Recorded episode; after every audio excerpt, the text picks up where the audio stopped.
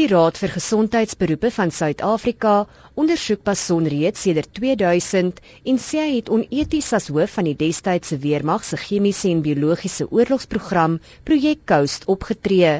Passon is in 2002 op strafregtelike aanklagte vrygespreek.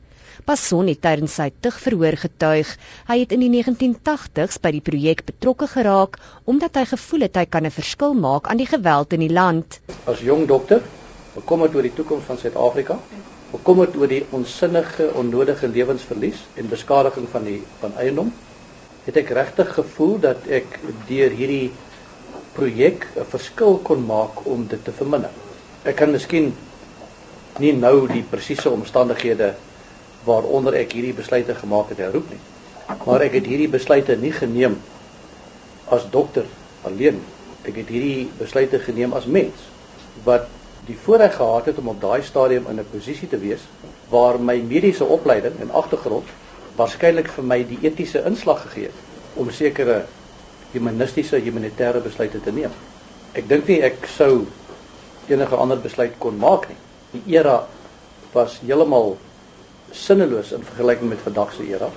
Passon het getuig sy deelname in navorsing en ontwikkeling was grootliks om riglyne aan wetenskaplikes te verskaf. Hy het getuig die weermag het opdrag gegee dat geen dodelike stowwe vervaardig moes word nie, maar slegs stowwe wat sou irriteer. Die effek daarvan is 'n intense brandgevoel in die oë, keel en 'n gevoel van angs wat daardeur aangebring word. Het dit enige uh, moontlikheid volgens u om uh, om 'n persoon op wie dit toegedien word te dood? Nee. Nou. Die veiligheidsgrens of die terapeutiese grens was baie baie groter selfs as met gewone traangas. Passon het die verhoor vertel dit was die doel van projek Coast om lewensverlies te beperk.